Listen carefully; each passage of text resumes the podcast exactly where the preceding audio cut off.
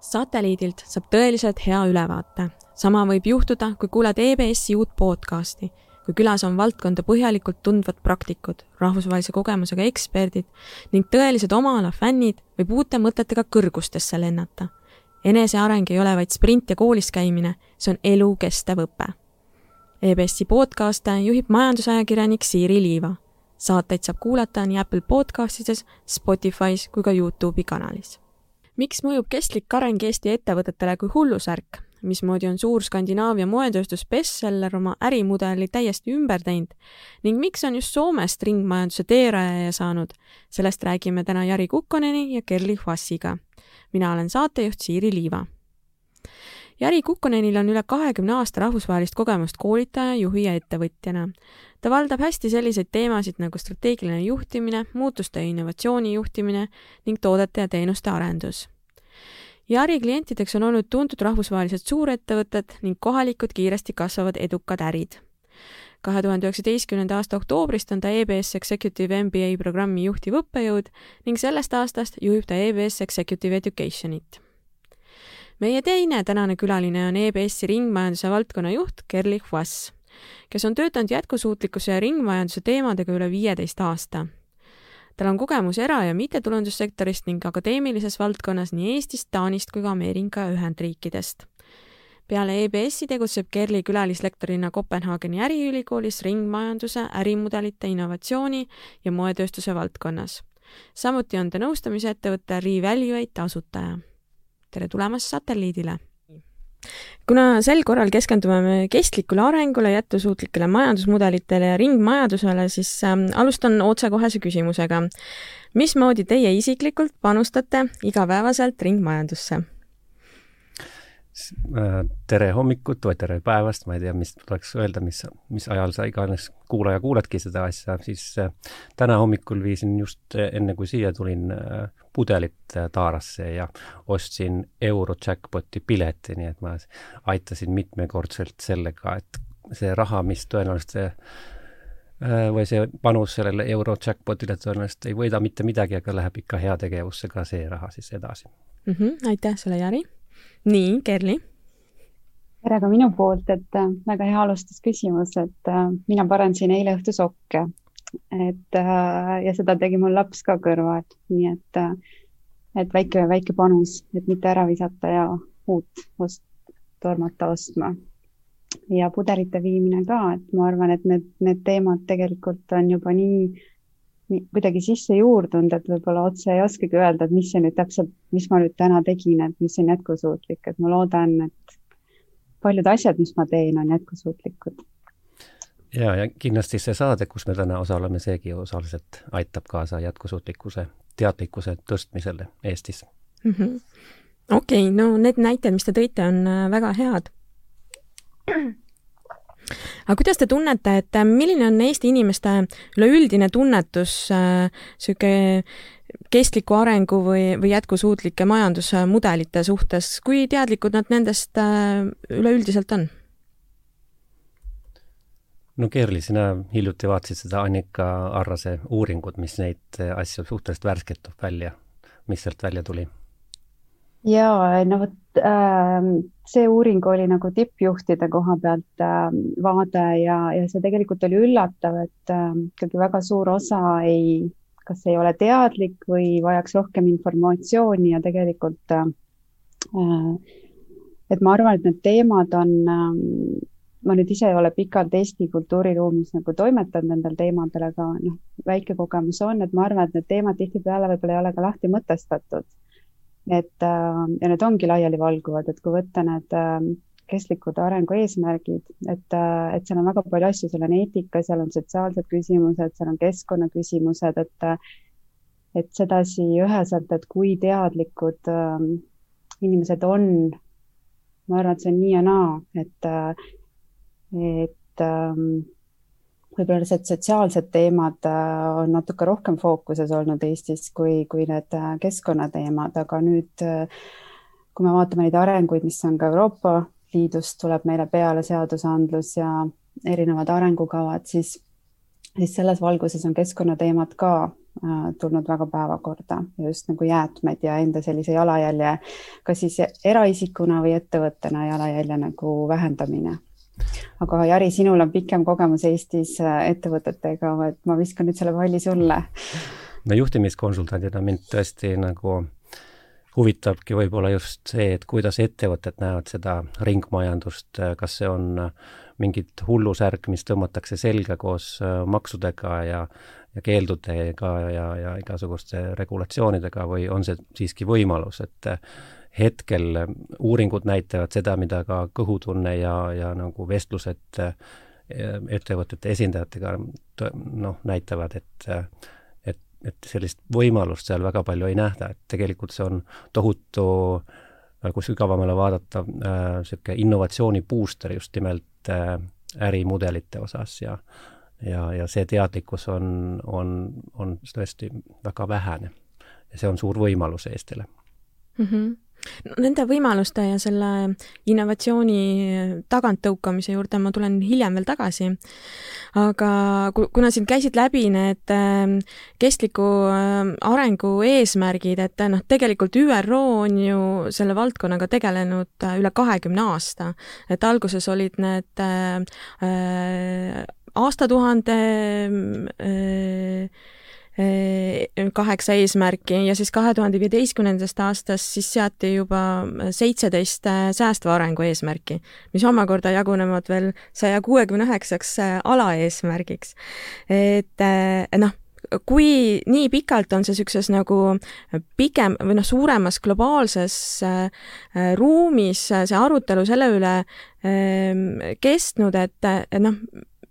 mi-, miks siis on selline suur lõhe selle vahel, et ettevõtted äh, ei ole sellega ikkagi nagu kursis?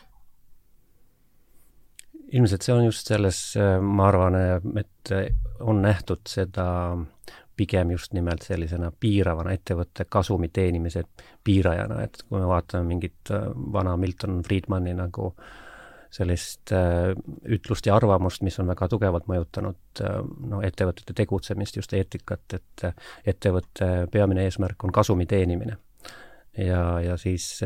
see, kuidas seda kasumit arvestatakse tänasel päeval, siis see ei võta arvesse väga hästi neid selliseid kestlikke aspekte et viimases äh, Harvard Business Review, Review äh, lehest oli huvitav äh, artikkel just sellest ROS-ist, et ro lisaks ROI-le võiks arvestada return on sustainable in investments. Ehk arvestuspõhimõtted ei too välja seda kasu, mis sellistest kestlikest valikutest võiks ettevõttele tekkida, ehk kõik kaob sinna ühte EBITDA arvestamisse sisse, ehk need ka jätkusuutlikud valikud ma arvan, see on üks esimesi asju, mis tuleb meelde, mis sa Kerli juurde lisaksid?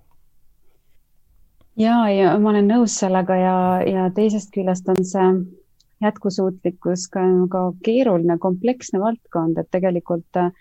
et see eeldab, et ähm, ettevõtted ikkagi väga detailselt tunnevad oma tarneahelat, et kust nende toorained tulevad, kuhu tooted lähevad. et, et seda komplekssust on päris palju ja, ja just see, kuidas nad suudavad nagu ettevõttena enda jaoks nagu lahti mõtestada ja siis kuidas, kuidas seda mõõta. et äh, seal on parasjagu keerukust ja ma arvan, et üks põhjus, miks võib-olla ringmajandus on oma kontseptsioonilt nagu väga kiiresti saanud väga populaarseks, on, on just see, et ta tegelikult on nagu rohkem käegakatsutavam, et ta annab nagu sellise äh, praktilise praktilisema tõlgenduse nendele jätkusuutlikkuse teemadele, sest ringmajandus ei ole ainult ressursitõhusus või jäätmekäitlus, et ta tegelikult, ta võtab selle, ütleme, ettevõtte või noh, majanduse kõigepealt makroperspektiivis, majanduse äh, kui uue majandusmudeli ja siis on ettevõtted seal, kes peavad sellesse uude majandusmudelisse sobima. ja, ja nii oma ärimudeliga kui oma väärtusahela juhtimisega. ja see, et see on toonud niisuguse nagu praktilisema jah, tõlgenduse ja, ja ma mäletan üks kümmekond aastat tagasi ka sellistel äh, jätkusuutlikkuse konverentsidel käies oli peamine kuulajaskond naised, äh, kas siis akadeemikud või siis äh, ettevõtete kommunikatsiooniosakondadest, et siis tol ajal oli ka veel vähe ettevõtteid, kus oli selline CSR nagu corporate social responsibility osakond ja siis ühel hetkel, kui hakati rääkima sellised suletud ringist, ringmajandusest, olid korraga mehed pintsakutes, seal tulid nagu jäätmekäitlejad, seal tulid tootearendajad, see seltskond nagu muutus ja hakati rääkima tegelikult samadest asjadest, aga teises keeles ja terminoloogias. ja tegelikult seda on huvitav vaadata olnud selle viimase kümne aastaga, kuidas tõesti see ringmajandus on ikkagi väga kiiresti jõudnud äh, äh sedasi praktikasse, nii äh, et räägitakse nagu praktilisest rakendamisest, ma ei ütle, et on praktikasse jõudnud meil palju, et aga noh, räägitakse praktilisest rakendamisest. Või ta on teinud sellise jätkusuutlikkuse teema nagu natuke kergemini hoomatavaks, me räägime asjadest, materjalidest, toodetest, ressurssidest, aga mitte jõgedest kuskil teises maailma otsas, et, et see jääb vahest nagu väga kaugeks ettevõttele näiteks ka hoomata aga oskad sa äh, pakkuda, mis selle nii-öelda switch'i või noh, mis selle muutuse tõi, et, et järsku nagu hakati aru saama, äh, et, et see on oluline asi, millele keskenduda? no äh, nagu noh, Jari siin ka, et noh, tegelikult näiteks ringmajanduse puhul, et seal on väga palju majanduslikku äh, nagu ärilisi võimalusi, noh, ressursitõhusus, et see, et sa toodad väiksema äh,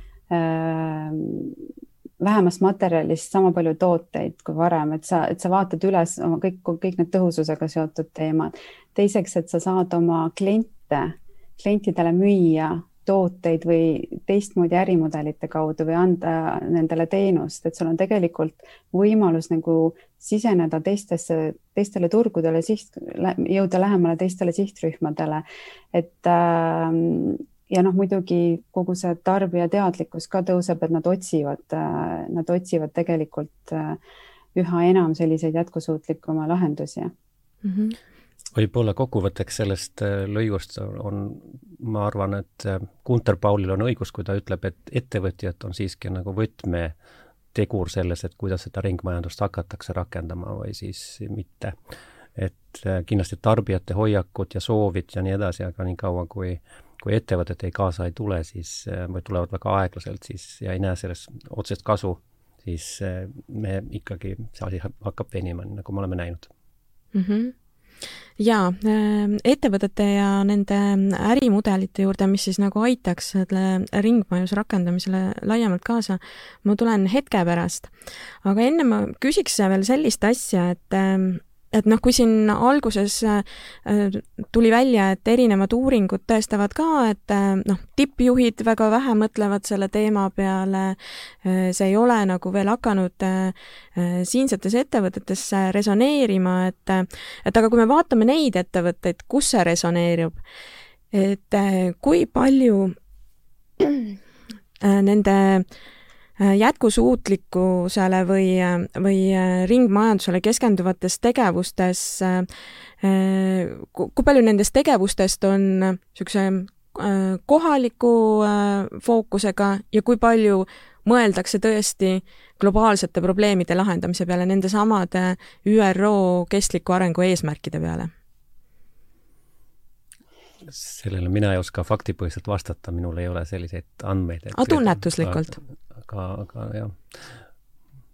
mulle tundub, et, et need sellised probleemid nagu kliimaprobleemid on, on globaalsed probleemid ja siis neid, neid peab ka rahvusvahelises koostöös lahendama, et ma usun, et need teatud aspektid on kindlasti nagu sellise nagu laiema mõjudega seotud ja siis kindlasti paljud aspektid on ka kohaliku mõju, mõjudega arvestatud, et mis see, mis need sotsiaalmajanduslikud efektid võiksid olla, et et miks, miks luua ettevõtteid näiteks Ida-Virumaale just nimelt, kus võib-olla on raske töölistada inimesi ja kus võib Põxiti tagajärgi on vaja nagu äh, nende, nendega nagu tegeleda. või, või ärme öelda, ütle Põxiti tagajärjed, vaid ütleme, et et järgmine, järgmine põlvkond ettevõtteid, mis seal võiks õitseda mm. -hmm. Kerli, tahad lisada? Ja ma võib-olla ei ole kõige õigem inimene kommenteerima seda Eesti ettevõtlusmaastikku, kuna ma olen pikalt ära olnud, aga aga noh, see väike kogemus või tunnetus, mis mul on, on,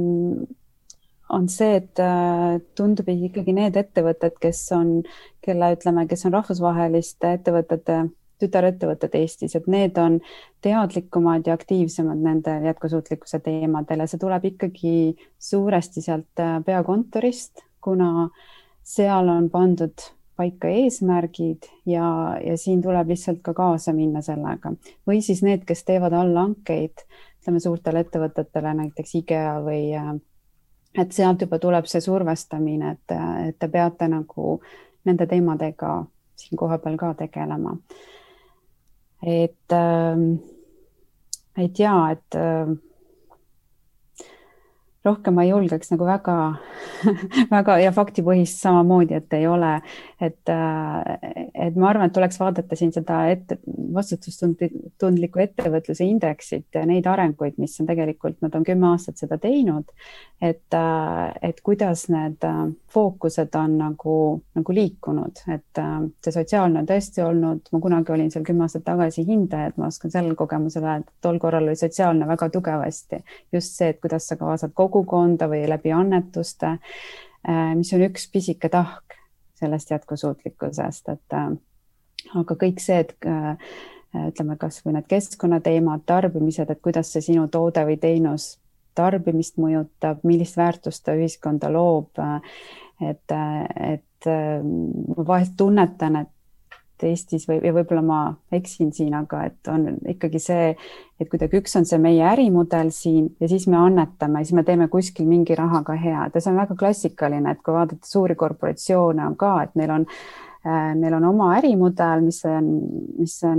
lineaarne ja ei ole väga jätkusuutlik, aga siis neil on kõrval fond ja siis sellest fondist nad toetavad kuskil vaesust ja arengumaid. aga et siduda see annetus nende oma tarneahelaga või väärtusahelaga, seda on raske teha ja seda tehakse, seda juba tehakse, kui me vaatame näiteks HM-i. aga, aga veel on palju ettevõtteid, kellel on selline fond nagu eraldiseisev asi, et siin teenin raha, siin on minu ärimudel, mis tegelikult ei ole jätkusuutlik ja kõrval on siis, ma annan siis ühiskonnale tagasi, aga tegelikult äh, võiks äh, vältida, et need jõed on reostatud ja lapsed on äh, koduta, sellepärast et neil on äh, vanemad või on tänavatel, sellepärast et vanemad teevad äh, neliteist tundi päevas tööl. et tegelikult võiks nagu neid olukordi ennetada, kui see, et ma siis teenin raha siin ja siis hakkan ühest äh, teisest pajast, siis hakkan seda heategevust tegema mm. -hmm ja kindlasti võiks juurde lisada veel seda, et no sa mainisid väliskapitalil olevat ettevõtet, me näeme Skandinaavia pangad näiteks on, on hea näide sellest, kuidas seal on suhteliselt kaugel see mõtlemine ja, ja see on osa organisatsiooni kultuuri ja ka kindlasti ka kohalikud pangad, me näeme positiivseid, positiivseid hoiakuid ja, ja sellist edumeelsust, LHV-d ja teised. Ja kui me mõtleme seda, et kuidas nüüd siis pangad on rohelised, et nad, kas see on nende heategevus, kui nad annavad soodsamat laenu Äh, rohelistele ettevõtetele või siis selliste jätkusuutlikele ettevõtetele, siis tegelikult seal taustal on ikkagi riski kalkuleerimine ja nagu pangad äh, ikkagi hinnastavad oma laenasid, laenud vastavalt äh, riskidele ja, ja me näeme, et ühiskond on nii palju arenenud, et selline ettevõte, kes toimetab mitte jätkusuutlikult ja, ja, ja lihtsalt kogub näiteks raha eraldi fondi, nagu Kerli siin just kirjeldas, siis siis tegelikult äh, tema äri, põhiärimudeliga seotud riskid äh, vajavad nagu kõrgemat riskipreemiat mm. -hmm. no siin on mõned kitsaskohad juba niisuguse nagu tänase majandusmudeli osas välja tulnud, et äh, üks asi oli see, mis sa, Jari, ise alguses tõid, et, et väga paljud ettevõtted mõtlevad ikkagi kasumipõhiselt et noh, et äh, see äh, ROI või, või EBITDA on seal väga kesksel kohal ja, ja Kerli, sina tõid välja, et isegi kui nagu panustatakse mingil moel tagasi ühiskonda, et siis äh, need fondid või need tegevused on kuidagi lahus sellest ettevõtte põhitegevusest või tarneahelatest mis on veel tänase valitseva majandusmudeli kitsaskohad? ma võtaks veel täpsustada selle kasumi asja, et mina olen küll kindlasti seisukohal, et ettevõtte kasumi teenimine on üks jätkusuutlikkuse näitaja. Et see, et ei jääks nüüd kellelegi selline arvamus, et et muudame kõik ettevõtted MTÜ-deks ja siis meil ongi jätkusuutlikkus olemas, et kindlasti see, et selline majanduslik võimekus on osa jätkusuutlikkusest, et on selliseid mudeleid, kus nagu räägitakse kolm B-st, et, et sul on nagu people, planet ja profit, need peavad olema tasakaalus, nende, nende lõikekohas ongi tegelikult see jätkusuutlikkus olemas, et kindlasti nagu ei, ei tohi, noh, seda tahtsin nagu rõhutada veel. Aga no, see, ajakirjanikuna ma hakkasin kohe lihtsustama no ma arvan, see oli hea, aga nüüd mul läks sinu küsimus meelest ära. ma küsisin seda, et noh, et mis on veel tänase valitseva majandusmudeli kitsaskohad? kui me vaatame just seda jätkusuutlikkuse aspekti ja miks selle peale veel piisavalt ei mõelda? Kerli, sul on neid äh, väga häid praktilisi kogemusi sellest äh, oma doktoritest näiteks, et mis, mis sealt välja tuli? Ja no minu doktoritöö oli niisugune sektorikeskne tekstiilisektor, aga aga ennem kui ma sellest räägin, ma tahtsin ka rõhutada, et mina samamoodi nagu Jaarigi tõi välja, et see, see kolm tala, et see ühis, ühiskondlik, keskkondlik ja majanduslik aspekt peavad olema tasakaalus, et ettevõtted peavad äh, raha teenima, et olla jätkusuutlikud, et see on ikkagi hästi oluline. lihtsalt, et selles võib-olla jätkusuutlikkuse kontekstis on selle väärtuse loomine laiem mõiste kui lihtsalt ainult rahas, et et, et see on nagu see harjutus, mida võib-olla äh, tuleviku ärijuhid teevad teistmoodi kui mineviku, et, äh, et raha ei ole ainuke kasum, et seda raha nagu tõlgendatakse ähm, natuke laiemalt või raha mõõdetakse nagu teistes parameetrites. aga tulles sinna küsimuse juurde, et mis on valesti, ähm, no põhiasi, mis on valesti, et, et praegune majandusmudel toimib sellele, et võtame aga ressurssi, teeme toote, tarbime nii kiiresti kui võimalik, et siis saaks jälle uue müüa ja siis viskame ära. ja see ongi fundamentaalne, sest tegelikult ressursid saavad otsa, prügimäed kasvavad ja rahvastik maailmas kasvab, kellel on rohkem, järjest rohkem vaja riideid selga ja, ja ähm, süüa taldrikule. et lihtsalt see tasakaal ei ole enam paigas ja, ja see on väga fundamentaalne, ma arvan, et see, see on ka väga lihtne selgitus, miks see ringmajandus tegelikult jõuab ikkagi väga paljude inimesteni väga kiiresti ja kõnetab kohe, sest kõik saavad sellest aru, et äh, ressursid kahanevad, prügimäed kasvavad ja rahvastik kasvab. võib-olla mitte meil, aga maailmas. Kerlile lisaksin juurde seda, et see asi on ka selle kasumi arvestamises, et kuidas seda arvestatakse, et kas me võtame kõiki aspekte nagu arvesse, et no võiksin leiutada mingisuguse seadme ja panna selle siin Läänemere põhja, mis toob kõik kalad kohale ja siis korjan need kokku ja, ja see on eduka ettevõtja nagu tiitleid ja, ja auhindu ja ja siis äh, samas, kui ma tarbin rohkem, kui mida suudab meri tagasi toota, siis äh, osa minu kasumi arvestusest tegelikult äh, on nagu puudulik, et seal on puudu see kulu ja kasu või kahjum, mis on tekitatud keskkonnale, et et see õiglane kasumi arvestus on kindlasti selline üks piirav asi ka, et, et mis nagu paraku võib-olla sageli paistab ettevõtjatele välja lihtsalt mingisugustena maksudena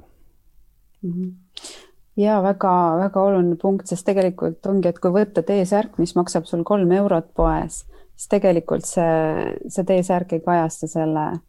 selle päris hinda. et äh, kuskilt on need, äh, kuskilt on, keegi teine maksab kuskil seda hinda. Inglise keeles on selle kohta internalizing externalities, et kõik need välised, välised mõjude faktorid ei ole tegelikult äh, hinnakujunduse osa, et see ongi, et kuna kõik on väga globaalseks läinud ja pikad vahemaad, erinevad seadusandlused, siis saab, siis saab meil olla lõpuks poes selline kolmeeurone T-särk, mis peale kolmandat pesu ära laguneb mm -hmm. ja mhm. jõuab prügimäele jah, no hoolimata nendest ähm, väljakutsetest, mis nagu tänases ühiskonnas või majanduselus on, et, äh, et sellele vaatamata on siiski juba nii Eestis kui ka välismaal ähm, mitmeid äh, positiivseid näiteid, et äh, kuidas siiski on suudetud ringmajandust äh, toetavad ärimudelid tööle panna. räägime kõigepealt sellest, et äh, mis on need äh, peamised ringmajanduse ärimudelid, mida ettevõtted saavad rakendada võtan, tahad Jari alustada või? võin, võin alustada, ma võtan aluseks selliseid mudeleid, mida Sitra on välja töötanud ehk äh, Soome innovatsioonifond äh, äh, siis rahvusvahelise koostöö või rahvusvahelises koostöös on, on seda ringmajandust äh, uurinud ja, ja kokku korjanud parimaid praktikaid ja ja igasuguseid tööriistu ja, ja Soome ongi noh, esimene riik maailmas, kellel on äh, riiklik äh,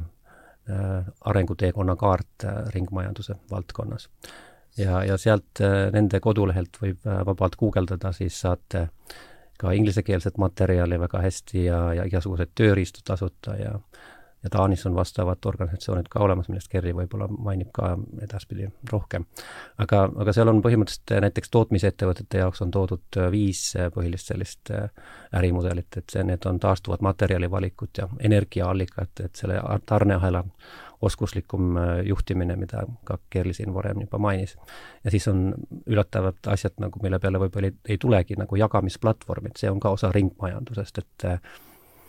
et näiteks Caterpill, Caterpillar on ostanud äh, mingisuguse rendiettevõtte, mille kaudu saab siis nagu äh,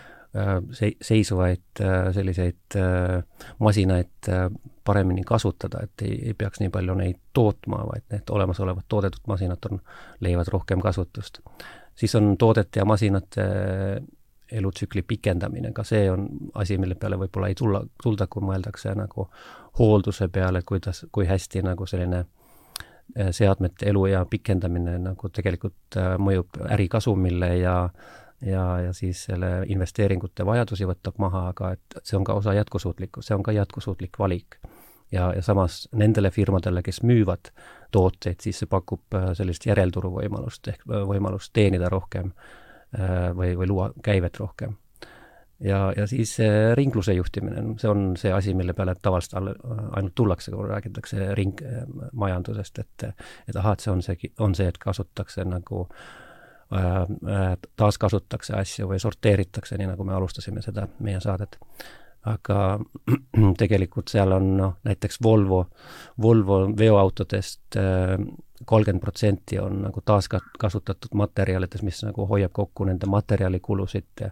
ja, ja siis äh, üheksakümmend protsenti, need on disainitud nii et, et üheksakümmend protsenti kõikidest materjalidest on taaskasutatavad, nii et edaspidi nagu see on veelgi rohkem taaskasutatav, see Volvo,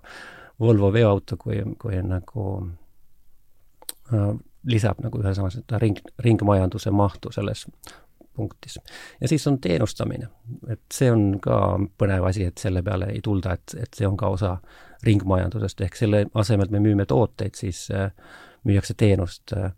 et mõnes mõttes äh, võib-olla Uber ja Bolt ja need on ka osa ringmajandusest äh,,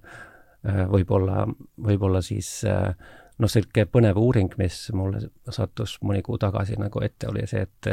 USA-s, kui inimene ostab äh, trelli koju, siis seda kasutatakse keskmiselt seitse minutit kogu elu jooksu ajal. kogu selle aja jooksul? kogu elu jooksu ajal, et äh, ja, ja siis, siis milleks sa omaksid trelli, kui sa võiksid äh, nagu osta seina kaks auku näiteks, ma ei tea, kui hea äri see nüüd võiks olla just nimelt see, aga noh, näide sellest, et kui äh, kuidas äh, nagu noh, tegelikult ettevõtte äh, vaatenurgast see pakub võimalust tohutuks käive kasvuks, selline teenustamine, kui, kui seda asja mõelda ettevõtte vaatenurgast. no need on need põhilised viis, mida Sitra toob välja, aga võib-olla Kerli lisab sinna juurde veel teisi asju. jaa, Kerli, sa ütlesid, et sa tegid doktoritöö tekstiilisektori pealt, et äh, tuli sealt äkki midagi välja? Noh, kusjuures tol ajal, kui ma hakkasin doktoritööd tegema, siis selline valdkond kui ütleme, ringsed ärimudelid ka teoorias akadeemias ei eksisteerinud. räägiti jätkusuutlikest ärimudelitest ja olid sellised esimesed tõlgendused, kuigi ringmajandus ise on seitsmekümnendatesse läheb tagasi, et see ei ole midagi, midagi uut, seda kontseptsiooni, aga just need ringsed ärimudelid. aga, aga mida mina tegin, oli, et äh, ma tegin oma uurimustööd koostöös suurkorporatsiooniga Bestseller, kes on siis Põhjamaades üks äh, suurimaid moekontserne Eesti turul on Jack and Jones, Vila, Vero Moda, erinevad brändid. ja, ja nendel tol hetkel ei olnud midagi ringset eriti ja, ja koos nendega hakkasime uurima, et mis on need põhimõtted, mis teeksid ettevõtte ringseks, mis ja, ja need noh, põhimõtted, ringmajanduse põhimõtted on reuse and recycling, et kuidas integreerida need olemasolevasse ärimudelisse. ja noh, selles mõttes äh, Jari tõi sellise väga-väga hea ülevaate, et need ongi need põhi, põhiringsed ärimudelid, aga siis moekontserni kontekstis, mida me tegime, me piloteerisime toodete tagasikorjamist, me piloteerisime, et äh, sorteerida välja sorteerimiskeskusest olemasolevad näiteks Jack and Jones'i riided, analüüsida, mis on sealne turuväärtus ja kas sinna üles saaks ehitada äh, second-hand kontseptsiooni, uue äriliini me piloteerisime, et mida saaks teha müümata jäänud jääkidest, näiteks mööblimaterjale. me piloteerisime, kuidas saada rohkem ümbertöödeldud kiudu teksapükstesse. et need kõik on äh, näited sellest, mida Jari tõi, et siis äh, noh, see ring, suletud süsteem, et sa saad, korjad materjalid kokku ja paned uuesti oma tootesse tagasi. see, et sa kasutad Äh, uue toote valmistamiseks äh, mingid toorained, näiteks teksapükstest teha mööblimaterjali. et, äh, et need on, et jah, selles mõttes need viis, viis, mida Jari tõi, on, on nagu need põhivaldkonnad. muidugi neid tõlgendusi on tänapäeval hästi palju, et kuidas neid kutsuda ja aga, aga, aga selle ringse ärimudeli point on see, et toode oleks võimalikult kauakestev, anda talle võimaluse, võimalust kaua Äh, äh, pikaaegseks kasutamiseks ja kui ta ei ole enam kasutuskõlblik, siis äh, kokku ta korjata ja sellest materjalina või uue tootena ringlusse saata. et see on nagu selles mõttes need põhitalad ringlusel ja, ja see, kuidas sa siis oma ärimudeli või sellise väärtuspakkumise üles ehitad, need peaksid arvesse võtma kogu seda elutsüklit toote disainimisest kuni siis lõpuni. ja see on tihtipeale, mida, mida ei tehta et kui vaadata ka ettevõtteid, siis ikkagi väga palju on sellist nagu silotoimetamist, silotoimetamise all ma mõtlen, et on no, disain, siis on turundus, siis on logistika, aga see ringse ärimudeli puhul tegelikult peab ikkagi väga tugev koostöö olema, sümbioos, see on selline nagu koosloome, et kuidas me selle väärtuspakkumise nüüd viime tarbijani nii, et tegelikult need keskkonnamõjud on võimalikult väiksed, aga me loome võimalikult palju väärtust mm -hmm. võib-olla sellest koosloomest veel sihuke üks, üks aspekt on minu meelest huvitava kontseptsiooni on Gunter Pauli pakkunud selle sinise majanduse kaudu, ta, ta leiutas lihtsalt sellise termini, et, et kui roheline on kõik see, mis maksab hästi palju ja inimesed ei suuda seda osta, siis ta ei tahtnud, et tema nii-öelda mõtteid jätkusuutlikkuse teemadel ja, ja selliseid äh, kontseptsioone ja ideid äh, nagu seostatakse sellise kalli ja mitte kättesaadavaga, vaid et see oleks äh, konkurentsivõimeline ja kättesaadav ja selle tõttu nimetas selle lihtsalt siniseks majanduseks, aga see, seal on veel selline nii-öelda keskkondlik või, või kogukondlik selline äh, aspekt, et kuidas nagu ettevõtted äh, omavahel panna koostööd tegema sedasi, et ühe ettevõtte äh, jäätmed või kõrvalproduktid on, on sisendiks teisele noh, süsteemsel viisil, no seda, seda niikuinii tehtakse, ettevõte, ettevõtted võivad seda teha, aga, aga võib ka koor-, teha seda koordineeritult ja, ja süsteemselt ühe piirkonna osas ja siis tõesti luua sellise nii-öelda ettevõtete ökosüsteem, süsteemi, mis nagu on sarnane loodusele, kus ei, ei ole jäätmeid, vaid igale asjale on kasutaja olemas. No siin tuli äh, juba teist korda Gunter Paulist äh, juttu ja tema on tegelikult inimene, kes on Eestis korduvalt käinud ja ma saan aru, et äh, EBS plaanib ta ka sel suvel Eestisse tuua. ja nii see on, meil on kõiki koroona asju trotsides nagu plaan kahekümne kaheksandal juunil algaval nädalal siis teha selline nädal, kus me teeme siis ringmajanduse või niisuguse sinise majanduse äh, kohaliku ettevõtmise, kus eh, esimesel päeval vaatame seda kontseptsiooni ja teisel päeval, teisipäeval, siis kahekümne üheksandal käime Ida-Virumaal, vaatame seal. Gunter Pauli on öelnud, et kui annad mulle komplekssed probleemid, siis ma pakun kompleksse lahenduse, noh, paneme siis mehe proovile, vaatame, kuidas ta siis lahendab neid äh, asju seal ja siis meil on, tulevad sektoriaalsed Äh, ettevõtmised Pärnus oleme ja, ja siis äh, käime siis Saaremaal vaatamas nagu ettevõttesiseseid väga lahedaid ettevõtmisi, mida Eestis juba on palju näiteid olemas ja ja võtame siis reedel kokku selle asja ja niisugune rahvusvaheline hea seltskond on seal meil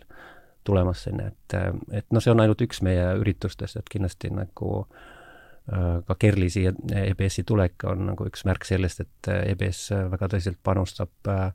selle, sellesse, et see ringmajanduse asi Eestis edeneks ja ja oleks olemas teadmist ja oskust, mida, mida siia koondada. aga kui sellest äh, sinise majanduse äh, suvekoolist äh, või seminarist äh, veel rääkida, et äh, kes peaks, kelle jaoks see võiks olla vajalik, kes võiks kaaluda sinna tulekut mm,? me oleme lähtunud sellest, et nagu siin varem meie jutus ka tuli välja, et ettevõtjad on nagu võtme, võtmetegijad sellest, et kuidas selline ringmajandus võiks nagu võtta jalad all, alla ja siis nagu lendule minna ja, ja olla niisugune ka Eestis edulugu siis kindlasti ettevõtjad, äh, aga, aga samas teised inimesed, kes on strateegilise mõtlemisega ja, ja miks mitte ka sellised inimesed lihtsalt, kes on asjast huvitatud. Ehk äh, vaadata neid konkreetseid äh, näiteid meilt ja mujalt ja, ja saada tööriistu ja innustust ja usku sellesse, et see tegelikult õiget rak-, õiget rakendus, ringmajandus on innovatsiooni booster. et see on see sihtrühm, järelikult strateegiliselt mõtlevad inimesed on see sihtrühm kokkuvõttes mm. -hmm. no siin äh, jutust käis juba läbi, et, et, et Kerli ongi EBS-is äh, rohemajanduse juhina tööl äh, selle aasta algusest ja, ja ma saan aru, et EBS on olnud ka äh, Rohetiigri üks asutajaliikmetest. mis on need teised, ähm, teised sammud, mis EBS on ringmajanduse teemal astunud või astumas lähiajal? Kerli jaa ähm,, selles mõttes ma olen jah, kaks kuud olnud, et, äh, et väga nagu veel rääkida ei ole, aga samas tuleb nagu öelda, et ega ringmajandus, ta, ta ei ole midagi nüüd, mis tuleb ja nüüd hakkame tegema, et ta tegelikult on ju, ta puudutab kõiki valdkondi, kui me võtame ärikooli, siis seal on finants, mikro, makroökonoomika, bränding, kommunikatsioon, turundus, kõik, et, et ma olen kindel, et ühel või teisel moel täna need teemad on juba EBS-is väga hästi sees. et võib-olla selle äh, minu rolliga või mind kutsuti nagu appi, et aidata tuua need kuidagi taldrikule kokku või sedasi äh,, et teha tugevamaks, et äh, ja, ja kuidas positsioneerida ka EBS-i selles äh, sellel maastikul, sest ähm, ja minu jaoks oli see väga huvitav äh, väljakutse, sest ma, äh, ma töötan ka konsultandina ja, ja selliste erinevate uurimus- ja arendusprojektidega. ja ma näen, et äh, ja, ja ma olen nagu väga tugev toetaja teadmistepõhisel, ütleme, majanduse arengul. et ja ma näen oma töös, et tihtipeale see, see ringmajandus on tegelikult väga kompleksne, keerukas, et meil äh, ettevõtetel võib-olla isegi või startup idel tahaks midagi teha, tahaks paremini teha, aga kuidas teha, et meil tegelikult on vaja neid teadmisi ja meil, meil on vaja seda nagu koostööd äh, nagu haridusasutustega, teadus-haridusasutustega. ja selles mõttes on äh, et mis siis EBS-i kontekstis, et mis, äh, mis plaanid on, et äh, juurutada seda teemat tugevamini olemasolevatesse õppekavadesse nii bakalaureuse kui magistri tasandil. Ähm, sügisest tuleb välja Nano, mis on, äh, keskendub jätkusuutliku ja ringse äri ähm, arendamisele, juhtimisele. Ähm, siis me teeme Jariga Executive'i all koostööd, et et seda teemat äh, ettevõteteni erinevate kursuste näol, üks siis on see Blue Economy äh, suvekool, aga ka, aga ka teised tooted, mis on veel köögi poole peal, et me veel ei räägiks nii detailselt. Aga aga me näeme, et ähm, noh, mitte ei näe, aga, aga me näeme ka teist, jah, teistest riikidest vaadates, et näiteks Soome, et äh, kui ma võtan Soome tekstiilisektori, siis äh, seal tehakse väga süsteemset koostööd, kus on siis riigisektor, haridus, ettevõtted, teadusasutused äh, ja see on oluline, sest ka need innovatsiooniettevõtted, tegelikult nad tulevad uute väärtuspakkumiste, toodete, teenustega turule. Et nad ei tea, kuidas turg reageerib, neil on tegelikult vaja sügavamat sissevaadet, kuidas tarbija reageerib, milline on seadusandlus seal. Ja nad ettevõttena, nad ei, nad ei hooma seda kõike. Ja see on see koht, kus, äh, kus näiteks nagu EBS äh, saab tulla panustada nagu teadmiste loomisega, aidata neid häid lahendusi turule tuua, sest päeva lõpuks, kui me võtame ringmajanduse, meil on head tehnoloogilised lahendused, meil on võib-olla hea disainiga tooted, aga kui meil ei ole seda ärimudelit, mis, mis selle toote või teenuse edukalt turule toob, ähm, siis, siis need head tehnoloogiad ja disainid jäävad kuskile lauasahtlisse, et selles mõttes on EBS-il väga tsentraalne koht just nagu kuidas neid protsesse aidata juhtida, ähm, kuidas äri aidata juhtida selles keerulises kompleks, kompleksses äh, maailmas, et, ähm, et ja,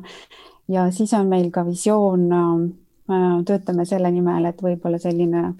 ähm, teadmiste või excellence keskus äh, EBS-i juurde luua, mis siis, mis siis aitaks tugevdada sellist ettevõtete, erasektori kolmanda sektori, riigisektori ja akadeemia vahelist koostööd nendel teemadel. ja muidugi lõpetuseks, et, ähm, et äh, EBS üksi, et, et siin tuleb nagu teha ka tugevat koostööd teiste ülikoolidega, et kui me vaatame selliseid natuke võib-olla progressiivsemaid äh, riike, kus ringmajandus on pikemalt ja süsteemsemalt laual olnud, siis äh, siin Soome, Hollandi, äh, Taani näiteks, siis tegelikult äh, ütleme, need programmid, õppeprogrammid on ka läbi põimunud läbi mitme ülikooli, et tehakse koostöös Tehnikaülikool, ähm, äriülikool, disainikool, et tuua just see distsipliini, multidistsiplinaarsus nagu praktikasse, et me räägime hästi palju, et on vaja multidistsiplinaarseid äh, teadmisi ja ongi tegelikult ringmajanduses selles uues uues maailmas, kus me täna oleme, me peame tegema asju teistmoodi ja meil on vaja, meil on vaja seda komplekssust ja neid äh,, seda kuidagi nagu hoomata ja seda saab teha siis, kui sa istud ümber laua erinevate distsipliinide inimestega äh,. sest äh, noh, kui me võtame ka näiteks jäätmekäitluse koha pealt, et kui, kui inimesed sorteerivad, et sul on küll juhend, aga miks nad seda siis päriselt ei tee, sest see juhend on võib-olla loodud kellegi jäätmekäitleja poolt, aga nad ei ole kaasanud sinna ähm, äh, sotsioloogi või ähm, antropoloogi, et kuidas seda inimkäitumist mõjutada, et meil on sellist nagu multidistsiplinaarsust vaja, et teha asju hästi mm. -hmm. No mulle tundub, et kahe kuuga on juba päris palju plaane lauale pandud, et äh, mitte ainult plaane, et küll need on juba järjest ja just, et mis on juba tegudeks ka äh, vormumas. ja võib-olla ma oma poolt selle interdistsiplinaarsuse juurde lisaks veel selle asja, et tõesti nagu mulle meeldib ka selline kaas, mulle noh, üks trend nagu õppekavade kokkupanemisel on see, et me ei lähtu ainepõhisest õpetamisest ega, ega võib-olla täiendkoolituses mingisugust ametipõhisest õpetamisest, vaid äh, lähtume ühiskondlikest väljakutsetest. ja see viibki siis selleni, et me peame tegema neid multidistsiplinaarseid õppekavasid ja, ja kindlasti iga, iga nii-öelda näiteks õppeasutus äh, peab keskenduma ja võib keskenduda oma tugevustele ja siis koostöös luua midagi sellist, mida keegi üksinda ei, ei suudaks mm. -hmm no siin äh, Kerli jutust enne korduvalt käis välja niisugune äh, kolmepoolne koostöö, akadeemilised äh, institutsioonid, erasektor ja, ja riigisektor, et kuidas te hindate seda koostööd täna Eestis? ringmajanduse põhimõtete rakendamisel või, või põhimõtete nagu niisugusel laiemal teadvustamisel? no ma võin vastata väga, no tegelikult mul ei ole veel ülevaadet, ma loon seda ülevaadet, ma kolisin Eestisse tagasi sügisel ja, ja ma olen toimetanud nagu erasektoris. et äh, aga see, mis ma paari kuuga olen tunnetanud ja näiteks Rohetiiger on ka noh, võtnud nagu eesmärgiks natuke tuua kokku need ülikoolid nagu ühe laua taga sellel teemal, et see on nagu väga teretulnud ja ma, mul on hea dialoog äh, ka EKA-ga näiteks, et, et siin kindlasti on see huvi iseasi, kui paindlikud on, on, on need asutused, et sedasi üleöö sedasi koostöösse asuda, aga ma arvan, et, et selline dialoogi loomine, äh, see ongi pikk protsess, sa saad häid ja tugevaid asju koos teha siis, kui sa tunned teineteist, saad teineteisest aru ja sa lood nagu sellise ühise visiooni, mille nimel nagu liikuda, et, et need asjad ei saagi nagu üleöö või puusalt nagu käia. aga mulle tundub, et see huvi on olemas teha sellist aga kui tugev ta täna on, see ma jään natuke võlgu vastuse. ma kinnitaksin ka oma kogemusega seda, et et see, ma arvan, paistab päikeseline see tulevik selles osas, et äh, need inimesed näiteks äh, äh, nii-öelda kohalike omavalitsuste tasandil, kus ma olen nüüd viimasel ajal sellel teemal vestelnud, siis nad on kirjutanud projekte ja me teame nagu ka riiklikest prioriteetidest, kuidas nagu järgmisel Euroopa Liidu nagu tugirahade eelarveperioodil raha eraldatakse nendele teemadele, siis äh, ma arvan, et mitmelt poolt äh, tuleb äh, soov ja see jõuab ühes kohas kokku, et noh, räägitakse sellest triple helix mudelist, kus siis nagu kohalikud omavalitsused või siis avalik sektor ja koolid ja ettevõtjad teevad koostööd, siis mulle tundub, et kõik omal pool, need kolm tahku on nagu huvi näidanud üles ja see, kuidas nüüd see koostöö veelgi süsteemseks saada, siis süsteemsemaks saada, siis ma arvan, see võib-olla ongi üks äh, selle järgmise eelarveperioodi või selle käimasoleva Euroopa Liidu eelarveperioodi nagu üks äh, fookusteemasid mm. -hmm no see triple helix, et äh, no ma saan aru, et see on niisugune innovatsioonimudel, et mis siis läbi nagu nende kolme eelpool mainitud osapoole siis peaks nagu äh, uuendustele kaasa aitama. siin äh, enne sai korduvalt mainitud Soomet ja seda, et äh, Soome on esimene ringmajanduse teekaardiga riik maailmas. Kui ma, kui ma nüüd õigesti mäletan, siis ma siis äh, oli kaks tuhat kuusteist, kui nad selle mm -hmm. vastu võtsid või, või valmis said mida on Eestil Soomest õppida sellest kogemusest? No ma ei oska võib-olla väga erapooletult hinnata seda asja, aga, aga ma arvan, et seal on midagi sellist näiteks äh, struktuuride osas, et mis, mida Citra on näiteks teinud, ma arvan, see on üks selline asi, mida tasub benchmark ida, et äh, kuidas äh, tuua nagu kokku teadustöö ja, ja siis kuidas äh, tuua ettevõtjate praktikat kokku ja kuidas siin vahele võiks vajada siis selliseid tööriistu, mida ettevõtjad saaksid kasutada, et sellest teadustööst kasu lõigata, et selline nii-öelda söödavaks tegemine, et selline, sellise nii-öelda platvormi ja avatuse, nagu ma arvan, see, see on nagu üks selline asi, mida võiks benchmark ida, et see tuleb mulle esimesena meelde. kuidas mm, -hmm. kas Kerli, sina, mida sina ütleksid? jaa, et võib-olla mul ma ütleks, et see süsteemmõtlemine, et mulle tundub, et, et soo-, ma võtan väga tugevalt seda nüüd äh, jällegi tekstiili näitel, aga noh, nad on ka väga eesrindlikud tekstiili, neil on juba kaheksas aasta või pikka aega olnud selline telakett ja projekt seal. ja, ja see süsteemmõtlemine tegelikult vahel mulle tundub, et võib-olla Eestis on natuke nõrk, et, et midagi tugevat luua Äh, sa pead, äh, sa pead sellele süsteemselt nagu lähenema. ja, ja teine võib-olla võtmesõna on see ähm, nagu kaasamine, et, et jällegi luua suuri muutusi ähm, üksi jõuad kiiresti, koos jõuad kaugele, aga üksi jõuad kiiresti ja võib-olla see kukub kokku, aga selleks, et suurt muutust luua, ongi jah, nagu Jari ütleb, need struktuurid ja just see nagu kaasamine ja koostöö, et äh, ja sellesse minu dialoogide põhjal soomlastega suhtutakse seal hästi, hästi tõsiselt ja, ja projektid, seal on rahastused taga protsessidel, mis võimaldavad luua koostööd, et aru saada teineteisest, võtta see aeg. Ähm, et miks ma seda nii välja toon, sest taanlased on samamoodi, nad tegelikult võtavad selle aja, et äh, et ähm, planeerida koostööd, seda luua visioon, saada teineteisest aru, mõtestada need teemad lahti, sest kui sa räägid ringmajandusest ja sul on kümme inimest ümber laua, igalühel on tõenäoliselt oma de definitsioon. minu arust akadeemiliselt on ringmajandus definitsioone üle saja. et, äh, et võib-olla natuke Eestis tehakse asju kiiresti ja vähe kaasavalt ja, ja, ja noh, tahetakse nagu, nagu väga kiiresti jõuda tulemusteni et võib-olla selline pikem planeerimise protsess äh, või äh, teineteisest arusaamine, süsteemne ja just kaasamine jah, süsteemselt kaasata väga erinevaid osapooli. see on raske, sest kui sul on erinevad osapooled ümber laua, et äh, seda ongi raske hoomata, aga selleks on omad äh, ähm, spetsialistid, kes selliseid protsesse fassiliteerivad äh,, et kõik oleks kuulatud, kõik jõuaks sellise Äh, konsensuseni mingilgi moel või vähemalt luua ühine visioon, et ei hakkaks igaüks seda tekki sikutama kuidagi oma suunas, et noh, see kipub tihti olema ükskõik millistes protsessides niisugune natuke paratamatu või, või nagu kuidagi sisse, sisse ehitatud äh, äh,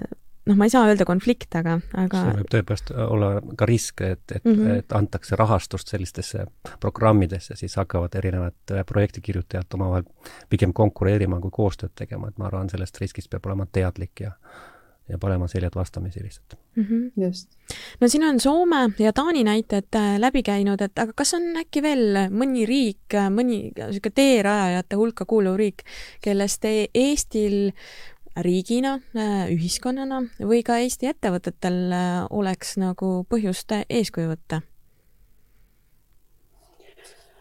ma ei tea, kas just Eesti ettevõtetena, aga noh, riigina on Prantsusmaa näiteks ringmajanduse koha pealt päris, äh, päris huvitav, et nendel on juba üle kümne aasta olnud tootjavastutus tekstiilide kontekstis, nad hiljuti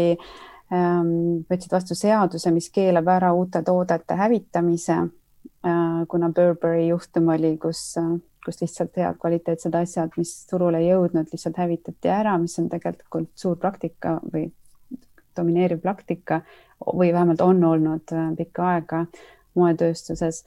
et, et seal on võetud jah, väga julgeid, julgeid samme, aga ma arvan, et Eesti ettevõtted ikkagi minu arust on Põhjamaad see hea koht, kuna nendega on ka meie väärtusahelad või tarneahelad ikkagi seotud, et seal on, seal on viimased aastad läinud ka väga palju raha teadustöösse, arendustöösse, riiklikku raha, nad on osalenud palju Euroopa suurtes rahastusprojektides, et sellist arendus, teadustööd on seal palju tehtud ja ettevõtted, innovatsioon nagu minu tunnetusel nagu päris heas kohas. et me ei peagi võib-olla kaugemale vaatama, et me oleme väga hästi ju platseerunud siin nendele, äh, nendele riikidele lähemal. Jari, kuidas sina kommenteerid? ja ma arvan, et see nii-öelda väärtusahelate ja kaubanduspartnerite nagu äh, vaatenurgast vaadates, siis äh, Eestil on suurepärased võimalused nagu lõigata kasu, et see know-how on nii lähedal ja, ja siis see soov nagu ka tarneahelatesse taolisi lahendusi lahen-, lahendada ja kasutusele võtta on kindlasti kättesaadav mm. -hmm no aeg hakkab meil äh, natukene äh, tagant suruma, aga siia on sisulise osa lõpetuseks, et äh, kordame veel korra üle, et miks peaksid ettevõtted olema ringmajandusest huvitatud? Kerli seal ei ole lihtsalt muud, muud teed enam, kas sa oled, kas sa oled seal või sind ei ole olemas, ma arvan, et varsti on nagu sedapidi see küsimus. ma arvan, et me oleme jõudnud punkti, kus enam ei ole, et kas peaks tegema ja kas peaks osalema, vaid kuidas. et ähm,, et ja võib-olla kaheksa aastat tagasi veel mõni, et sa ütlesid, et oh, et see on kellegi doktoritöö, et see, see ei ole reaalsus, aga täna vaadates ümber, mis toimub tegelikult, see on reaalsus ja ma soovitaksin vaadata tõesti seda viimast Harvard Business Review nagu artiklit sellel teemal, et seal on toodud välja, kuidas see ringmajandus aitab kaasa innovatsioonile ja äh, efektiivsele tegutsesimele, tegutsemisele ja, ja, ja turundusele ja kliendi lojaalsusele ja riskide maandamisele ja ja tarnijasuhetele ja töötajate noh, kui atraktiivne tööandja sa oled ja, ja rääkimata siis äh, noh, sellistest äh, noh, kuvanditest, mis sul ettevõttel on ja ja kuidas saad äh, meediakajastust, et seal on välja toodud need asjad äh, väga selgelt ja, ja, ja huvitavalt, et soovitan vaadata mm. -hmm. no see on väga hea äh, lugemissoovitus. aga enne veel, kui me oma saate lõpetame, on meil ka niisugune traditsiooniline lõpuosa, kus kõik külalised saavad siis iga kord vastata samadele küsimustele ja ega teie ka nendest küsimustest ei pääse ja esimene küsimus on see, et ähm, mis on see juhtimisraamat, mida soovitaksid lugeda kõikidel, keda paeluvad juhtimisküsimused või väljakutsed? ja Jari, alustame võib-olla sinust. no alustame minust ja ma mõtlesin selle küsimusele peale, kuna ma teadsin, et see tuleb ja, ja siis äh, mõtlesin seda, et äh, milline soovitus ei aeguks, sest raamatuid tuleb kogu aeg nii palju peale ja siis vaatad, oi, miks ma seda ei soovitanud ja oi, kui ma oleks, see oleks juba ilmunud, ma oleksin seda soovitanud nii et ma soovitan äh, kaks tuhat aastat vana raamatut, äh, mis on Marcus Aureliuse Meditations, äh, mis on, ma arvan, sobib, on väga huvitav selles mõttes, et äh,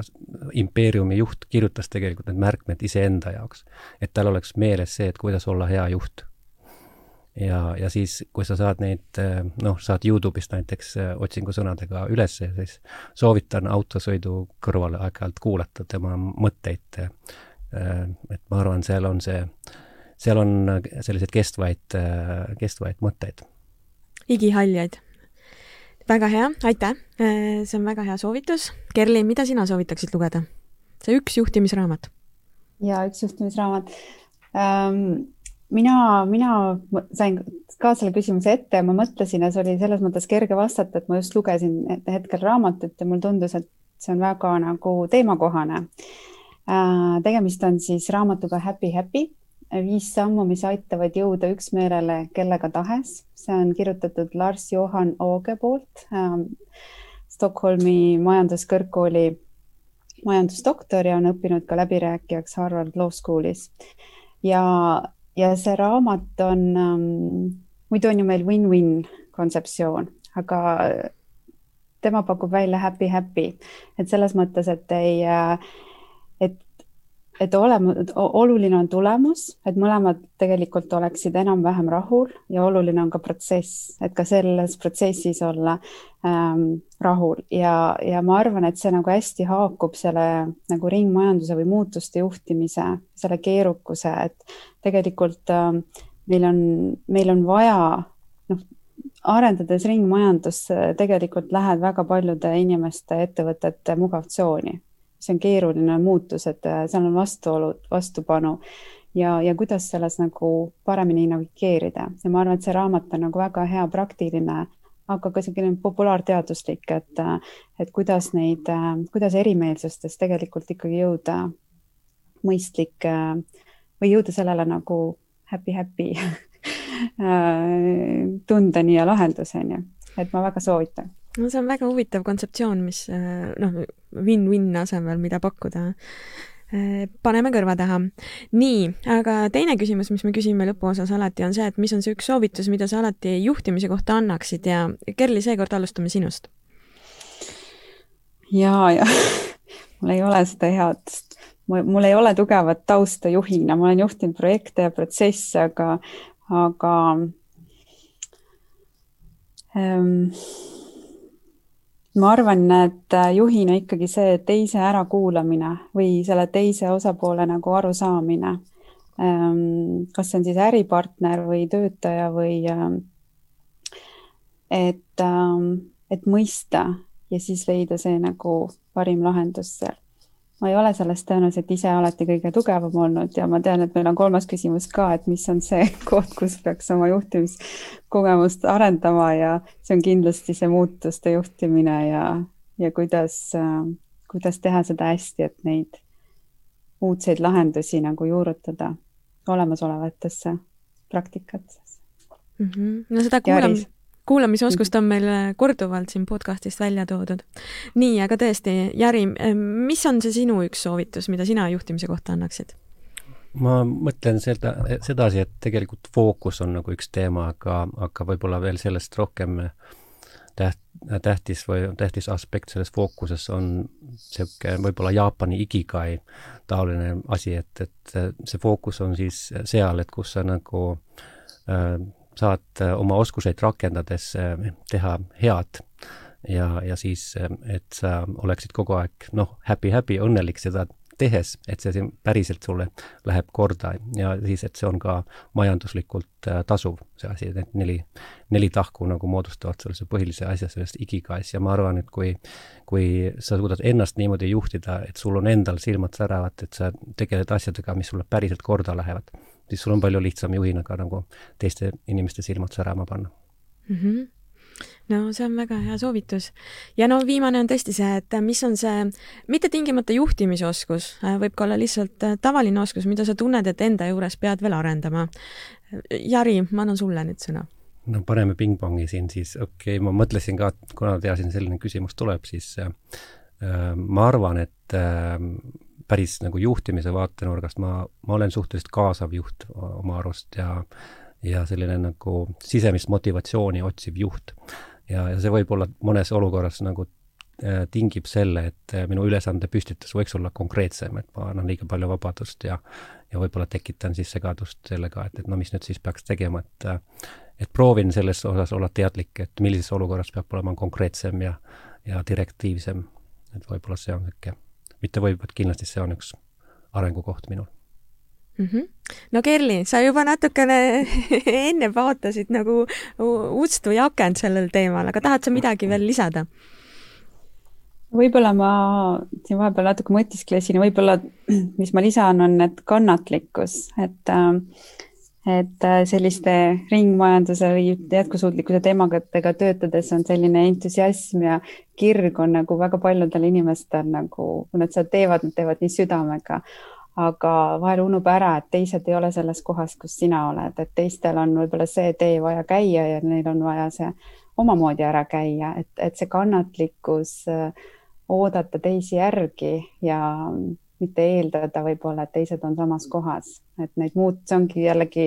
viib sinna muutuste juhtimise, et, et asjad ei juhtu nii kiiresti, kui tahaks, et see on minu võib-olla kärsituse teema, et, et kuidas, et me oleme juba rääkinud sellest kümme aastat, sellest tekstiiliprügist, et miks me -hmm. midagi ikka ei tee. aga vot need inimesed, kes ei tee, nemad ei ole sellest rääkinud kümme aastat, et nemad on võib-olla sellest rääkinud ainult pool aastat ja, ja neil on vaja natuke rohkem aega selleks, et teha mm. -hmm.